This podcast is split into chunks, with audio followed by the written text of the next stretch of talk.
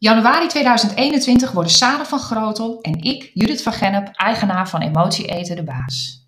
Emotie Eten de Baas is er voor iedereen die het patroon van emotie eten wil onderzoeken en wil veranderen. Aan de hand van de Emotie Eten de Baas methode. Deze methode wordt beschreven in ons boek Liefde in plaats van chocola. Een zeven stappenplan waarmee je definitief kan afrekenen met het emotie eten. En Liefde in plaats van chocola is een ideale titel voor een podcast. In deze eerste aflevering gaan we in op de titel en aan de slag met de eerste stap van het zeven stappenplan. In welke situatie ga jij te veel eten? Welkom bij Liefde in plaats van chocola.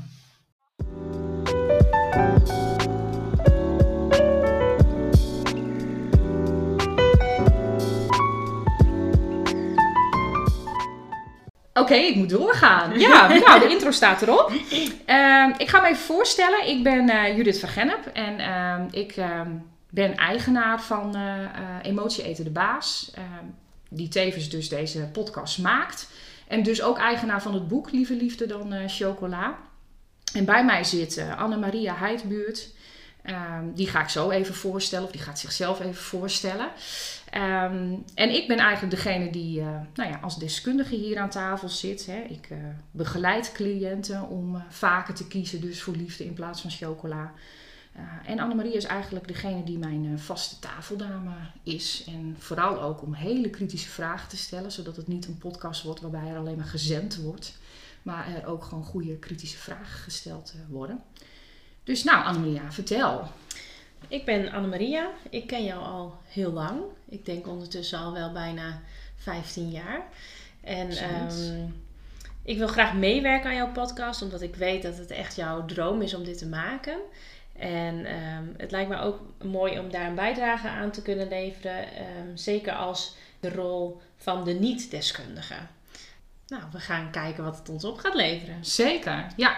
En wat we vooral heel goed kunnen samen, is heel goed praten. Ja. Dus we dachten, nou ja, als je dat dan toch op een podcast kan zetten, zoals tegenwoordig iedereen doet, dan kunnen wij dat gewoon ook. Ja. Dus vandaar, toch? Ja, zeker. En ik denk dat het duidelijk hoorbaar is waar we vandaan komen. Dus daar gaan we verder niet moeilijk meer over doen. Nee, nee. we komen uit het noorden van het land. Ja. En uh, dat is dus Friesland. Ja, ja, bij deze vastgesteld hoeven we het niet meer over Check. te hebben. Check. Hey, en um, Annemaria Heidbuurt. Nou, dat vind ik altijd heel lang. Dus ik maak er altijd Anna van. En uh, dat zullen jullie mij dus op deze manier uh, ook horen zeggen. En ik denk dat de luisteraars ook Anna mogen zeggen. Ja hoor, zeker. Ja, ja, precies. Daar luistert ze ook naar. Helemaal goed. Nou, Anna. Liever liefde dan chocola. Of eigenlijk is het liefde in plaats van chocola. Ja, ik zie het. Ik heb het boek in mijn handen. En uh, als ik deze titel lees, dan interpreteer ik dat, dat je dus eigenlijk voor jezelf liefde moet kiezen in plaats van troost te zoeken bij chocola. Ja. Klopt dat? Klopt nou, dat is, denk ik. Uh, ik heb het boek uiteraard uh, niet geschreven, zoals jij ook ziet. Hè. Ik ben er wel ondertussen eigenaar van. Mm -hmm. Jansen, de vorige eigenaar van Emotie Eten de Baas, heeft dit boek geschreven. En dit is precies zoals ze hem bedoeld heeft. Ja, nou, dan heeft ze de goede titel gekozen. Ja, vond ik ook. Ja. En daarom wilde ik dat dus ook als titel voor onze podcast. En mm -hmm. ik vind hem nog steeds heel sterk. Want voor mij staat hij precies ook voor kiezen voor jezelf. In plaats van, nou ja, chocola staat dan natuurlijk voor, ja, alles wat wij als mens doen om... Troost te vinden ja. in eten. Ja. ja, eigenlijk waar we toch ook wel zelf medelijden mm -hmm. zoeken of ja. Hey, en ik heb dit boek niet gelezen. Dat is mijn opdracht voor volgende keer. Uh, wat kan ik uh, verwachten als ik dit boek ga lezen? Nou, wat er eigenlijk in staat is onze zeven stappenplan. Mm -hmm. uh, het zeven stappenplan is erop gericht om te stoppen met het emotie eten. dus eigenlijk begint het boek over, goh, herken jij je in de eeuwige lijner? Mm -hmm. En kan het zo zijn dat, dat dat lijnen dus niet aanslaat, niet omdat je dus niet kan lijnen, maar omdat je dus terugvalt in uh, oud gedrag. En dat oude gedrag is dan het emotie eten. Mm -hmm. dus kiest voor chocola in plaats van voor jezelf. Zoals ja. de titel al aangeeft. Eigenlijk een, veel meer gericht op de psyche. Ja. Het gaat niet zozeer om eten, om uh, calorieën, uh, nee. om menus. Maar het gaat meer om waar kies je voor. Het gaat heel erg om zelf kiezen. En dan nog niet eens zozeer in wat je gaat eten vanavond. Mm -hmm. He, want ja, zo denken wij inderdaad wel. Hè? Van ja, als jij dus eh, een overgewichtsprobleem hebt en je wilt, al, eh, je wil afvallen, ja, dan moet je met je voeding aan de slag. Mhm. Ehm, en eigenlijk eh, geeft dit boek heel mooi weer dat het super kan werken om juist met het onderliggende gedrag aan de slag te gaan. Mhm. Ja. Zodat er ook een minder trigger is om te gaan snoepen en snaaien. Mhm. Nou, en ehm, in dit boek wordt eigenlijk ons zeven stappenplan gewoon helemaal uitgewerkt. Van, van tot 1 tot en met 7. Mhm. Eh, en daarnaast nog wat, wat extra dingetjes over wat is eigenlijk overgewicht. En eh, hoe hou je bijvoorbeeld eh, eh, je gedrag, hè, je veranderde gedrag ook vol op langere termijn. Mhm. En ik denk wat het boek vooral ook heel inspirerend maakt, is dat er heel veel cliëntenverhalen in staan. Of verhalen van bijvoorbeeld Fenna zelf. Hè, Mhm. Hoe zij bijvoorbeeld geworsteld heeft met bepaalde thema's in het leven. Mhm. Dit stappenplan, die zeven stappen, die heb jij nu toegepast binnen jouw diëtistenpraktijk. Ja. Het is, zoals ik begrijp, is het ook echt een andere manier van werken. Ja. En wat heeft dat, wat, ja, hoe, hoe moet ik me dat voorstellen? Als je dan denkt als eh, klant, ik ga naar een diëtist, dan heb je daar een bepaalde verwachting bij. Maar als ik jou zo hoor, is dit toch een hele andere manier van ja, diëtetiek. Heel anders. Ja. Ja, ja. Nee, het, het is eigenlijk, eh, kun je wat je leert eh, op de diëtistenschool. Maar nou heeft een specialist eh, die bij mij eh eh, emotie eten de baas specialist is. Die heeft me laatst verteld dat ik het geen diëtistenschool meer mag noemen. Vond ze wat denigrerend.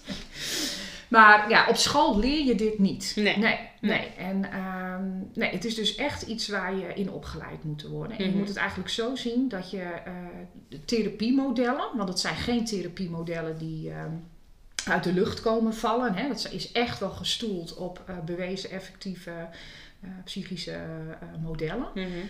Alleen heel erg toegespitst op eetgedrag. En dat is er nieuw aan. Nou, en wat is er dan nieuw ten opzichte van een reguliere diëtist? Ja, dat, dat we het dus niet gaan hebben over wat jij allemaal eet. Maar dat we eigenlijk beginnen met de eerste vraag. Dat is ook echt letterlijk de eerste vraag van het stappenplan. Namelijk in welke situatie gebeurt het nou? Mhm. En daarmee plaats je het eten dus in een context. Ja.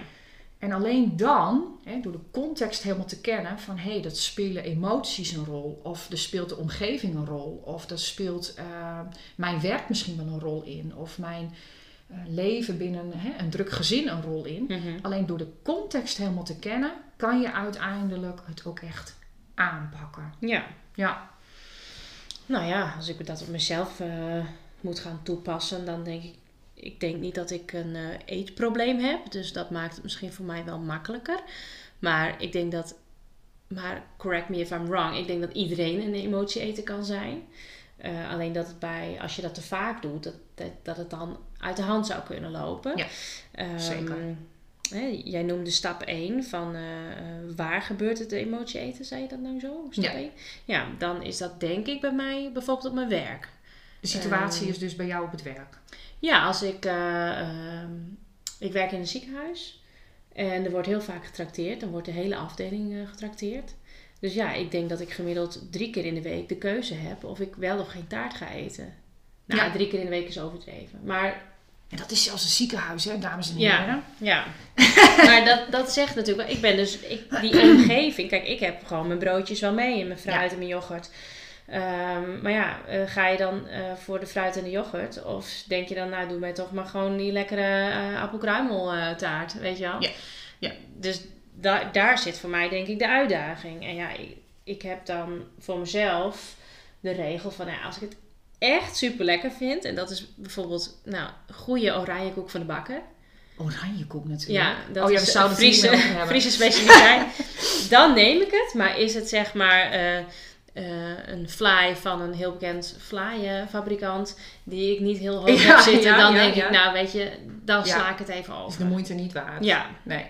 dus dat is dan een beetje... eh, Nou, goed voorbeeld dat je dit zo noemt. Hè? Want jij zegt inderdaad van als ik kijk naar de triggers, hè, want dit noemen wij triggers. Wanneer eh, de situatie die wij uitvragen is natuurlijk eigenlijk gewoon bepalen waardoor word jij getriggerd Mhm. om, wat ik net zei, hè, te veel te gaan eten, te weinig gaan eten, de verkeerde keuzes te maken hè, of te gaan overeten. Ehm, dan zeg je eigenlijk die trigger is bij mij op het werk. En dan kunnen wij meteen als deskundige ook zeggen van ja, maar dat is dus geen emotie eten. mhm. Emotie eten gaat echt om een interne prikkel, een interne trigger, wat maakt dat je gaat verlangen naar eten. En dat is natuurlijk niet een appel, hè? Mhm. Het is echt, nou daarom de titel ook chocola.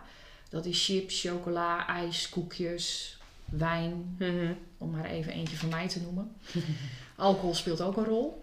Ehm, en wat jij nu noemt is een externe prikkel. Mhm. Dus daarom is het zo belangrijk om die hele situatie in kaart te brengen en daar dus ook eh, overzicht in te bieden voor de cliënt. Want dit is dus een voorbeeld van extern eten. Ja. Dat noemen we ook wel Bourgondisch eten. Mhm. Dat dekt de lading natuurlijk niet helemaal, hè, want externe prikkels is, betekent natuurlijk niet dat je dus ook meteen maar een Bourgondier bent. Mhm. Hè, maar het is echt een externe prikkel wat maakt dat je verleid wordt. Ja, Ik denk ja. dat heel veel mensen zich hierin Ja. herkennen. Ja. ja, en weet je, je ziet dat ook overal. Hè. Ga je naar de kapper, staan er snoepjes voor je klaar. Ehm, waar je ook komt, eh, de paaseitjes die overal eh, tentoongesteld Ja. worden. Ja. Eh, ik denk dat je... dat- maar dat zijn dus externe prikkels. Dat, echte heeft niet zozeer prikkels. met het emotie Nee. te maken. Het is wel echt eetgedrag. Mhm. Hè? Dus het heeft wel binnen deze podcast denk ik een goede plek. Want het heeft zeker te maken met eetgedrag. Maar het is niet direct het emotie eten. Mhm. Ja. En ehm, als je extern heel erg geprikkeld wordt om te gaan eten... dan is het nou de, natuurlijk de kunst om je daar bewust van te zijn. Ik hoor bij jou dat er eigenlijk al een bewustwording is. Hè? Mhm. En dat je dus ook daar al op kan acteren. eh, door te zeggen van nou, eh, ho- hoe wil ik hiermee omgaan? Welke keus heb ik hierin? Ja.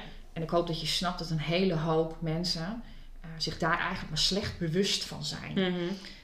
En het, ja, voordat ze het weten, alweer in hun mond hebben gestopt. Ja. Nee, ik, ik hoorde jou dit nu zeggen en dan ben ik nu even in inderdaad de, de kritische. En dan denk ik van, ehm, we mogen dat natuurlijk niet veroordelen. In die zin van, ehm, het, het is heel natuurlijk gedrag, denk ik. Nou, maar hè? absoluut. Ja. Dus de emotie-eter die, die, die dat is, die, die, die, die hoeft zichzelf dan niet slecht door te voelen. Het is geen eigen schuld, is dikke bult. Nee, nee, absoluut niet. Daar ben ik ook van overtuigd. Het heeft niks met een schuldvraag te Mhm. maken. Hè? Uiteraard is het wel zo dat als je bij ons de praktijk binnenkomt, dat we je uitnodigen om verantwoording te nemen. Mhm. Maar dat vind ik iets anders dan schuldig Ja, zijn ja, aan. ja. En dan benoem je wel iets, want ik denk dat. Nou, heel enkele keer kom ik iemand anders tegen, maar ik denk dat 95% van de mensen die ik bijvoorbeeld behandeld, die voelt zich enorm schuldig. Ja. En, dat, en dat maakt natuurlijk dat, dat er een soort strijd ontstaat, eh, waardoor er eigenlijk eh, eh, lading op het eten komt. Mhm. Maar ook lading op het gewicht. Ja, En eh, ja, dat is een strijd die alle specialisten binnen emotie eten de baas denk ik zullen herkennen. ja, En wat ons ook gepassioneerd maakt. ja. Hè? Om, om, ja, Om die schuld je, weg te nou, maar daar nemen. mag een Ja. ander geluid voor zijn. Hè? Want als je dan alleen maar hoort van ja, maar je moet dit doen en je moet dat doen. En kilo body en 1500 calorieën. En neem je verantwoording en ga sit-ups doen. Maar er is niet een geluid als dit wat zegt van ja, maar dit is inderdaad ook gewoon je biologie. Ja, hè? ja, wat je ja. tegenwerkt. Een stukje erkenning eigenlijk. Ja, dat is ook wel waar we in deze podcast voor willen staan. Hè? Ja. Van eh, ja, die herkenning en die erkenning ook wel. Ja, Ik denk dat elke vrouw, ik zeg nu vrouw, maar ik denk ook dat meestal vrouwen... Mannen hebben hier ook last van. Ja. Alleen ja, vrouwen vinden het wel iets makkelijker om erover te praten. Ja, Misschien ja. is dat een goeie. Ja. Komt dat op ons lijstje van eh, welke podcast willen we nog maken? Nou, we willen heel graag een man aan tafel. Ja, oh ja, dat zou hartstikke leuk zijn. Dat zou wel heel leuk zijn. Ja, maar mannen hebben hier ook zeker last van. Alleen ik, ik, ik merk gewoon dat die... ehm, die hebben veel minder te dealen met die schuld. Mhm. Met dat schuld waar we het net over hadden. Vrouwen voelen zich gewoon echt schuldiger. Ja, Ja. En ik denk omdat, ehm, omdat die schuldvraag erbij zit, dat ze wel het ook sneller als een probleem ervaren. Mhm. Terwijl een man kan er makkelijker overheen walsen van, ach, nou ja, het is toch ook gewoon lekker en ik ben nou eenmaal een Burgondiër. Mhm. En, ja. hè, en eh, mannen worden ook minder veroordeeld op hun gewicht. Dat speelt ook zeker een rol. Mhm. Ehm, alleen wat ik bijvoorbeeld heel erg in de praktijk nu merk, is dat huisartsen wakker worden. En dat de middelbare man met overgewicht door wordt verwezen. Omdat huisartsen natuurlijk ineens wel beseffen van ja, corona heeft ervoor gezorgd dat juist die persoon op de IC kwam te liggen. Ja, ja. Eh, dus ook voor hun is die, be- is die leefstijl belangrijk. Ja. En als de huisarts dan merkt van ja, maar ze zijn eigenlijk niet heel erg gemotiveerd hè, om aan de slag te gaan. Dan kiezen ze soms ook echt voor een specialist om door te verwijzen. Omdat wij juist dus met dat mentale stuk aan de slag gaan. Ja. En heel erg zitten op ja, maar wat, wat wil je nou eigenlijk? Hè? Mhm. Wat is belangrijk voor jou? Ja.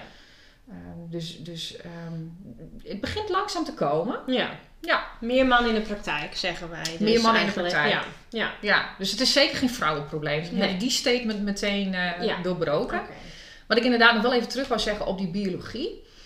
Er was een ehm, eh, hoogleraar, ik ben zijn naam vergeten, dus eh, ik zal het in de show notes zetten eh, wie dit is. Deze hoogleraar heeft onderzoek gedaan naar waarom wij kunnen overeten. Mhm. Met andere woorden, hè, ons lichaam is zo ontzettend goed bedacht. Laten we eerlijk zijn, jij bent zelf ook medisch opgeleid. Eh, maar dan vooral in spieren, botten, eh, organen. Het zit vernuftig in elkaar. Het zit Ja. super Ja. vernuftig in elkaar. Hoe kan het dan toch dat er geen natuurlijke rem is? Mhm. Nou, dat heeft heel erg met onze evolutie te maken. En voordat hij zijn verhaal gaat vertellen hè, over waarom kunnen wij dooreten terwijl we al lang geen honger meer hebben, eh, heeft hij dus, eh, nou ja, toch ook wel de notoire eh, artsen en professionals laten binnenkomen in de zaal. En dan konden ze kiezen uit druiven en eh soesjes. Mhm. En drie raden wat op was. De druiven of de soesjes. Het was zo rond vier uur, was een van de laatste sprekers. Nou, zullen we zeggen soesjes? Ja. Ja. Hè? En, en, en dit is natuurlijk de doelgroep die zegt: ja, maar het is toch ook eigen verantwoording. En je bent je er toch wel bewust wel van. En dat hij ook meteen daarmee een statement maakt: van nee, dit zit zo in ons zijn om Ja. te kiezen voor de soesjes in plaats van de druiven. Mhm. En daarmee zegt hij dan ook gelijk: en dan het slechte nieuws: wij zijn als mens niet gemaakt om taart te eten. Mhm. Hè? Dus ook soesjes.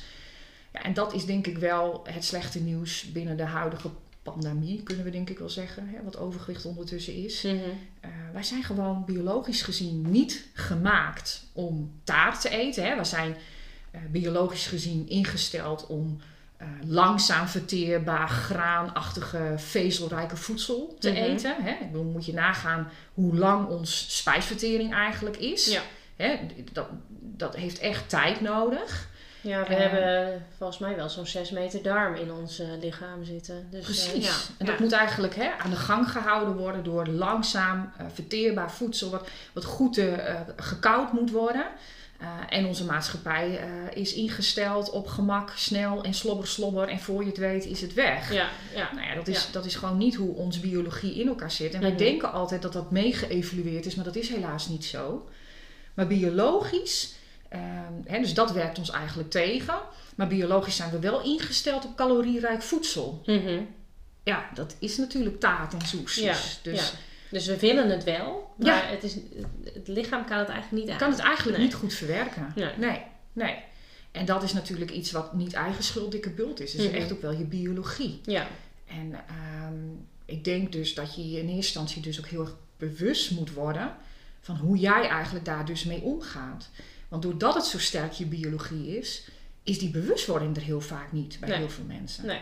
En vandaar ook onze vraag van in welke situatie gaat het nou mis? Mhm. Puur om die patronen te leren herkennen. We zijn continu bezig met welk patroon zit er eigenlijk achter en hoe wil je dat dan de volgende keer gaan doen? En dan heb ik daar nog wel een kritische vraag over. Want je zegt van, eh, wanneer, waar gaat het nou eigenlijk mis? Maar wanneer is het mis? Ehm, Ja, is het mis goeie. op het moment dat je overgewicht ervan krijgt? Of is het mis op het moment dat je, nou ja, gewoon heel lekkere, gezonde Hollandse meid bent? Eh, ik zeg maar eh, misschien net vijf kilootjes te zwaar of zo.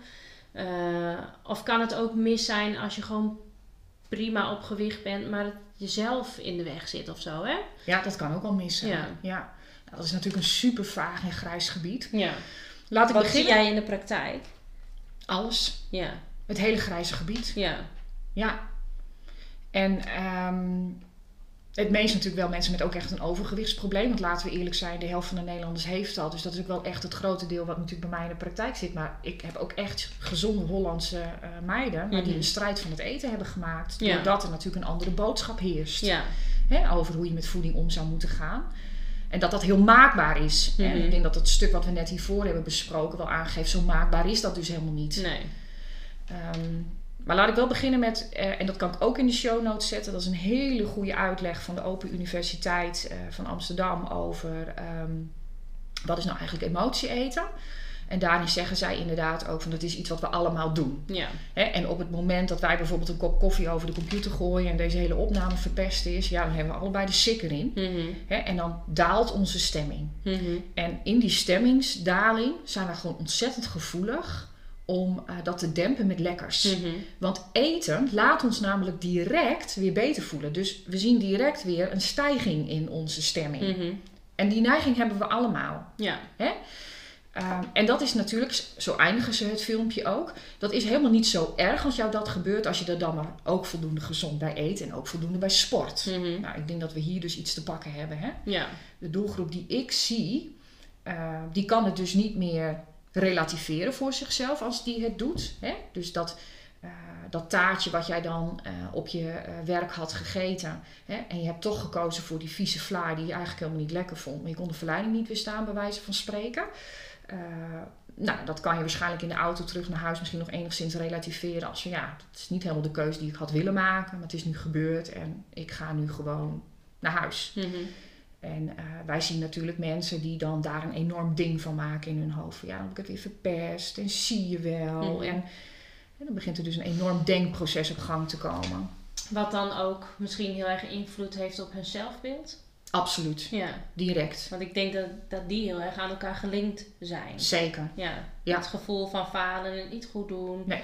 Ehm, het, en dan die koppeling aan eh, het zelfbeeld van zie je wel, eh, ik kan het niet, ik word hier veel te dik van. Precies. Ik ben een leek, hè, dus ik vul het nu even in met mijn eigen... Ja. eh, ja. Nee, maar dit is precies Ja. wat, wat ze vertellen uiteindelijk. Ja. En, en als wij dit enigszins ook aangeven, hè, terwijl we in de praktijk zitten, dan zeggen mensen wel eens in de praktijk: Maar hoe weet jij wat ik denk? Mhm. Of wat ik voel? Hoe, hoe kan jij dat zo goed weten? En dan Je kan ik heel. patroon. Precies. Ja. En dan kan Ja. ik ook heel geruststellend zeggen, omdat honderd vrouwen hier voor mij dit ook al verteld hebben. Ja. Je bent echt niet de enige. En wat maakt dan dat er ook honderd vrouwen zijn die dat niet hebben? Zit daar Ja. genetische eh, verschillen tussen? Of? Ja, kom je een beetje in, het, in de discussie van nature en nurture. Hè? Ja. Zeker DNA speelt een rol. Hè? Er zijn mensen die echt gevoeliger zijn voor aankomen. Hè? Dus daar werkt de biologie nog een tandje extra tegen. Dus dat ene taartje wat je eet, eh, komt bij hun ook echt eh, meer aan dan bij Mhm. een ander. Dus er zit zeker een stuk DNA. Je hebt nog mensen met zware botten natuurlijk. Nee, grapje. Nee, zware bot is onzin hoor. Maar het, het heeft dan met eh, ehm, ja, het gewoon je stofwisseling te maken. Nee, dat hele zware botten, dat kunnen we uit de wereld Ja, helpen. ja. Nee, dat heeft dan echt met je stofwisseling te maken. Dus dat, dat is zeker wel waar. Mhm. Ehm, maar het, het, er zit natuurlijk ook wel een, een stuk eh, attitude. Ja, dat is een beetje, snap je dan? Is dat een raar woord? Houding, Houding, gedrag. gedrag. Ja, eigenlijk je verworven eh, houding ten opzichte van eten. Of Mhm. wat, wat wel en niet zou mogen, zeg maar, eh, speelt ook een hele belangrijke rol. En dat krijg je vaak natuurlijk wel ook aangeleerd vanuit je thuissituatie. Ja, want ik las vanochtend nog een artikel eh, over dat kinderen zouden meer groenten moeten eten. Ja. Nou, dat is, dat is mooi. Dat is, Fantastisch. Ja, goed. ja, dan gaat het weer over wat ze Ja. zouden moeten eten, Ja. hè? Ja. En nou, er was dan een vrouw die had eh, een of andere groentebox ontwikkeld om kinderen met leuke prentenboeken en opdrachtjes eh, groenten te leren eten. Toen dacht ik, ja, maar weet je, dit is toch eh, een kwestie van goed voorbeeld doet goed volgen.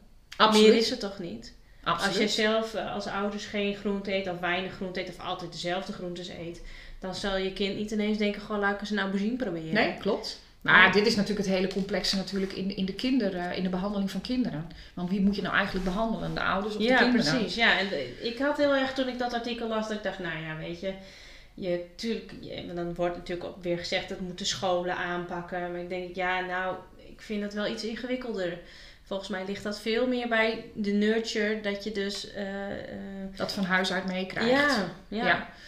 Nou ja, maar goed, aan de andere kant moet ik dan toch ook even denken aan eh, hè, wat een bekende van ons eh, ooit gezegd heeft. It takes a village to raise a family. Mhm. En daarmee gaf ze eigenlijk aan van ja, eh, jij bent natuurlijk niet de enige persoon in jouw kinds leven met een ouderlijke boodschap. Mhm. Dat is natuurlijk ook een leraar, een docent of, of Ja, een, dat is waar, ja.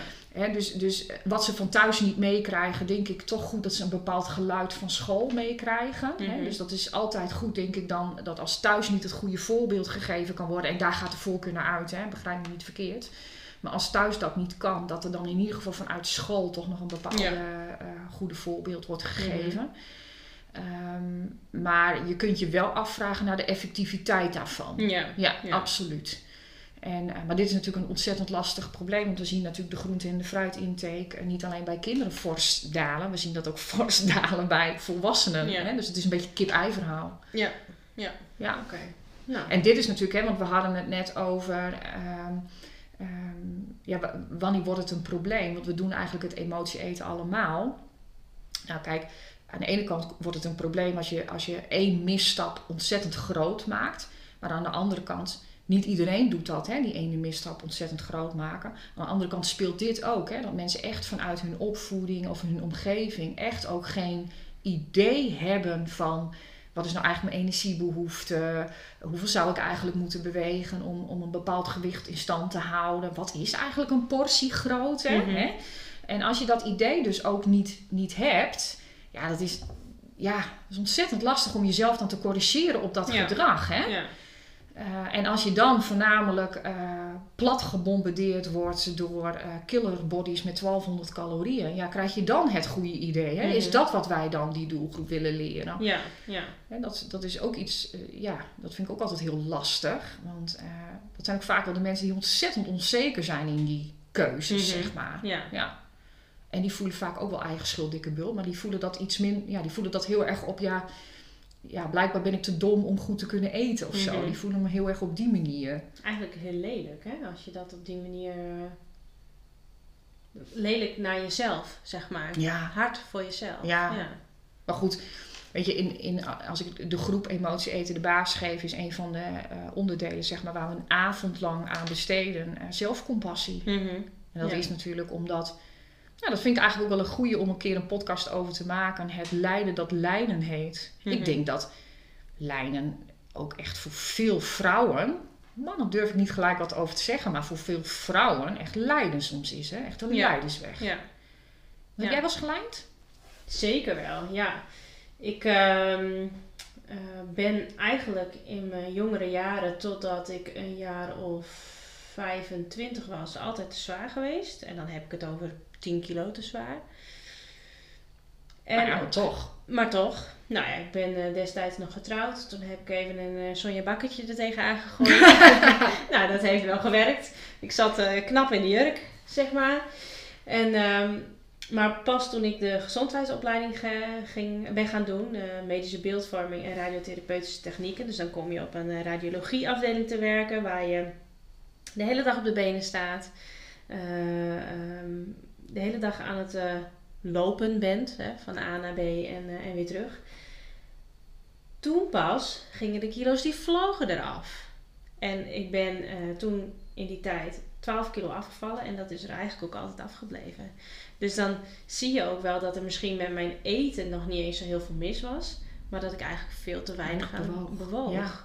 Ja. Hè? En ehm, ehm, ik heb sinds die tijd eigenlijk ook geen problemen meer gehad om het eraf te krijgen. Ook na twee zwangerschappen ben ik gewoon weer teruggekomen op mijn eh, oude gewicht.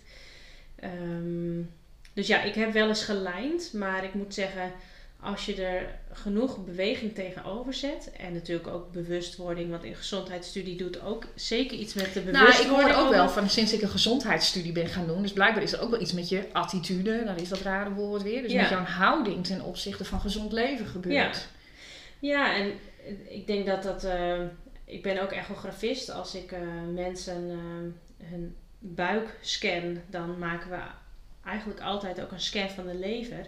Ja. En je ziet gewoon dat mensen met overgewicht, die hebben gewoon echt een vervette lever. ja. En dat doet natuurlijk ook iets met je bewustwording. Wij hebben wel mensen eh, gehad die op advies van de huisarts ehm, moesten af, of nou ja, ze noemen dat dan leververvetting. Ehm, en dat de huisarts zei van nou probeer maar eens af te vallen en dan gaan we over een jaar weer een scan doen en dan kijken we wat er gebeurt. En die mensen die vallen dan 10 kilo af en die lever die ziet er gewoon weer mooi uit. ja. Hè, dus je, het, is ook, het is wel een omkeerbaar proces. En ehm, ja, dat soort dingen doet natuurlijk zeker wat met je bewustwording. Zeker. Dus het zal een combinatie zijn van ehm, bewustwording, maar ook gewoon meer bewegen. Ja, en dan, en dan gaat het nog, hè? Dus, dus wat, wat ik dan ook wel hieruit hoor is, ja, dan, dan heb je bijvoorbeeld misschien al meerdere afvalpogingen in je leven gedaan. Hè? En, en eh, omdat je misschien best wel bewust bent dat je gezonder uh, wordt als je afvalt. En je bent ook weer teruggevallen, omdat je misschien wel niet bewust bent van bepaalde onderliggende patronen. Nou, dan, dan zegt jouw arts tegen jou, uh, of vanwege een levenvervetting of nou, versleten knieën is denk ik ook een hele bekende. Ja, zeker, ja. ga eerst maar eens afvallen en kom dan maar eens terug. Ik denk dat die persoon dan denkt: ja, nou, zo eenvoudig is, dat, nog niet, nee, lieve nee, dokter. Nee. En ik denk dat het dan uh, goed is dat bijvoorbeeld die bewust. Ik, ik, ik heb het ook echt over een attitudeverandering bij artsen. Dat ook zij een andere houding daar ten opzichte gaan, van gaan aannemen. Van, mm -hmm. hey, heb je dat wel eens geprobeerd? En hoe ging dat dan? En Ja. lukte dat jou? Ja. Want dan geef je in ieder geval degene die tegenover je zit... Uh, de ruimte om te vertellen over dat proces. En als je zegt, nou ga eerst maar afvallen en kom dan maar terug, dan zeg je eigenlijk, en misschien bedoel je het niet zo, maar onbewust zeg je eigenlijk, dat, is, dat kan jij prima. Ja. Dat lukt Ja. jou. Ga Ja. maar even in een half jaar, over een half jaar een nieuwe afspraak en Ja. ga maar even. Terwijl die persoon misschien naar huis gaat en denkt, oh my god. Dus ja, Nou begint het lijden weer. Van, eh, nou, eh, ik ga je over een half jaar inschrijven voor de halve marathon. Veel succes. Succes. Ja, ja, Ja. ja. ja, dat zou voor mij echt... eh, nou, ik denk niet dat ik dat zou halen. Nou, ik al helemaal niet. Nee, nee. Dus de, ja, het zou fijn zijn als je... eh, als er ook in de zorg een bewustwording komt van de, dat dat heel lastig is. Dat het echt een, een opgave is. En wat ik nog wel erbij wil zeggen is dat eh, die leververvetting gaat niet eh, voorbij als je 10 kilo afvalt en eigenlijk 50 kilo te zwaar bent. Maar eh, Nee. dat heeft natuurlijk ook te maken met welke soort voeding je nuttigt. Uiteraard heeft dat überhaupt te maken met hoe je die hele leefstijl dan in. Ja, Dus, ja. dus ook alleen maar eenzijdig kijken naar, eh, ja, u eet te veel. Hè, dat, dat, is het, dat vind ik heel terecht wat jij nu noemt. Hè? Want nou, dan gaat deze persoon misschien wel in paniek hè, denken, nou, dan doen we een crashdieet. Ja, ja, Hè? En dan zijn we niet 10 kilo kwijt, maar misschien wel 20 kilo Ja. kwijt. Toppie. ja. Ja, en dan gaan ze naar de scan. Ja, dan valt denk ik een beetje de gezondheidseffect. Die zal er zeker zijn, Mhm. hè, want gewichtsverlies doet ontzettend veel. Maar het gezondheidseffect valt misschien wel wat tegen. ja, ja. Hè, omdat het inderdaad ook heel erg gaat om goede voeding natuurlijk. Ja, Ja. ja, zeker. Ja. Ja. Dus het is nog niet zo eenvoudig, stellen wij samen vast. Zeker, het is niet eenvoudig. En ehm, Genoeg om mensen ook nog te over te informeren, maar ook Ja. professionals. Hè? ja, Dat is ook al wel een beetje onze conclusie. De Ja. professionals moeten deze podcast eigenlijk ook eens gaan luisteren. ja. nou, wie weet joh, krijgen we volgers van, eh, nou ja, waar hopen we eigenlijk op? Maakt dan, ja, ik heb daar nog niet echt over nagedacht. Nou, als al één iemand het luistert, hebben we Dan zijn we liefde blij. gemaakt. Ja. Gaan we dan een taart eten of wat gaan we dan doen? Oeh. Oh, jij bent ook wel van het doelen stellen, hè? zeker. Ja. Ja, nou dit is het verschil tussen Anna en mij. Ik ben van eh, trial and error. Ik begin van alles en ik zie wel wat schipstrand. En Anna is van de voorbereiding, de controle en het doelen stellen. ja, ja, Dat is een mooie combi, denk ik. ja zo. zeker. Ja. Nee, ja, weet ik niet. Daar moeten we zo over hebben. We hebben in ieder geval eh, genoeg onderwerpen. Ja, ja dit, dit eh, vraagt naar meer. Dit je- vraagt naar meer. Ja, Het is nog niet een uitgekoud geheel, hè? Nee, want we hebben nu van het boek Liever Liefde in plaats van chocola ehm, één stap behandeld. Ja, Dus, en er zijn zeven. ja. We zijn eigenlijk alleen nog maar ingegaan op de situatie. Ja, Ja, dus daar hebben we nog genoeg over te bepraten. We Ja. hebben net al bedacht dat hè, het lijden dat lijden heet een hele goede onderwerp is. ja, En een van de onderwerpen die mij altijd ontzettend geboeid heeft, is ja, als je kijkt naar dat gedrag, eh, kan eten dan ook een verslaving zijn? Hè, Dat Mhm. is eigenlijk ook iets wat, eh, nou ja, waar mijn cliënten ook echt wel mee worstelen. Eh, soms zelfs zo benoemen. Hè? Mhm. Van ik ben gewoon verslaafd. Het is Ja. gewoon een verslaving voor mij. Want heb je, eh, misschien is dat een, eh, een, want we gaan volgens mij een beetje richting de afsluiting, een mooie afsluiting van een, mooi praktijkvoorbeeld. Dat je kan zeggen van nou, ik had vorige week nog iemand op, nou vorige maand nog iemand op mijn spreekuur en dat je daar nog iets over kan vertellen om mensen een beetje inhoudelijk weer te geven hoe dat bij jou gaat. Ja, dat kan ik wel. Ehm, ik heb te maken met eh, meerdere mensen natuurlijk, maar laat ik er één uitpakken. Eh, een jonge dame eh, worstelt eigenlijk al ehm, een hele tijd met haar gewicht en met, ehm, ja, ook met haar identiteit. En, en, en laat ik dat ook nog even kort benoemen. je bent eigenlijk geen emotie-eter. Mhm. Want dan geef je eigenlijk mee weer dat jij bent wat jij doet. Mhm.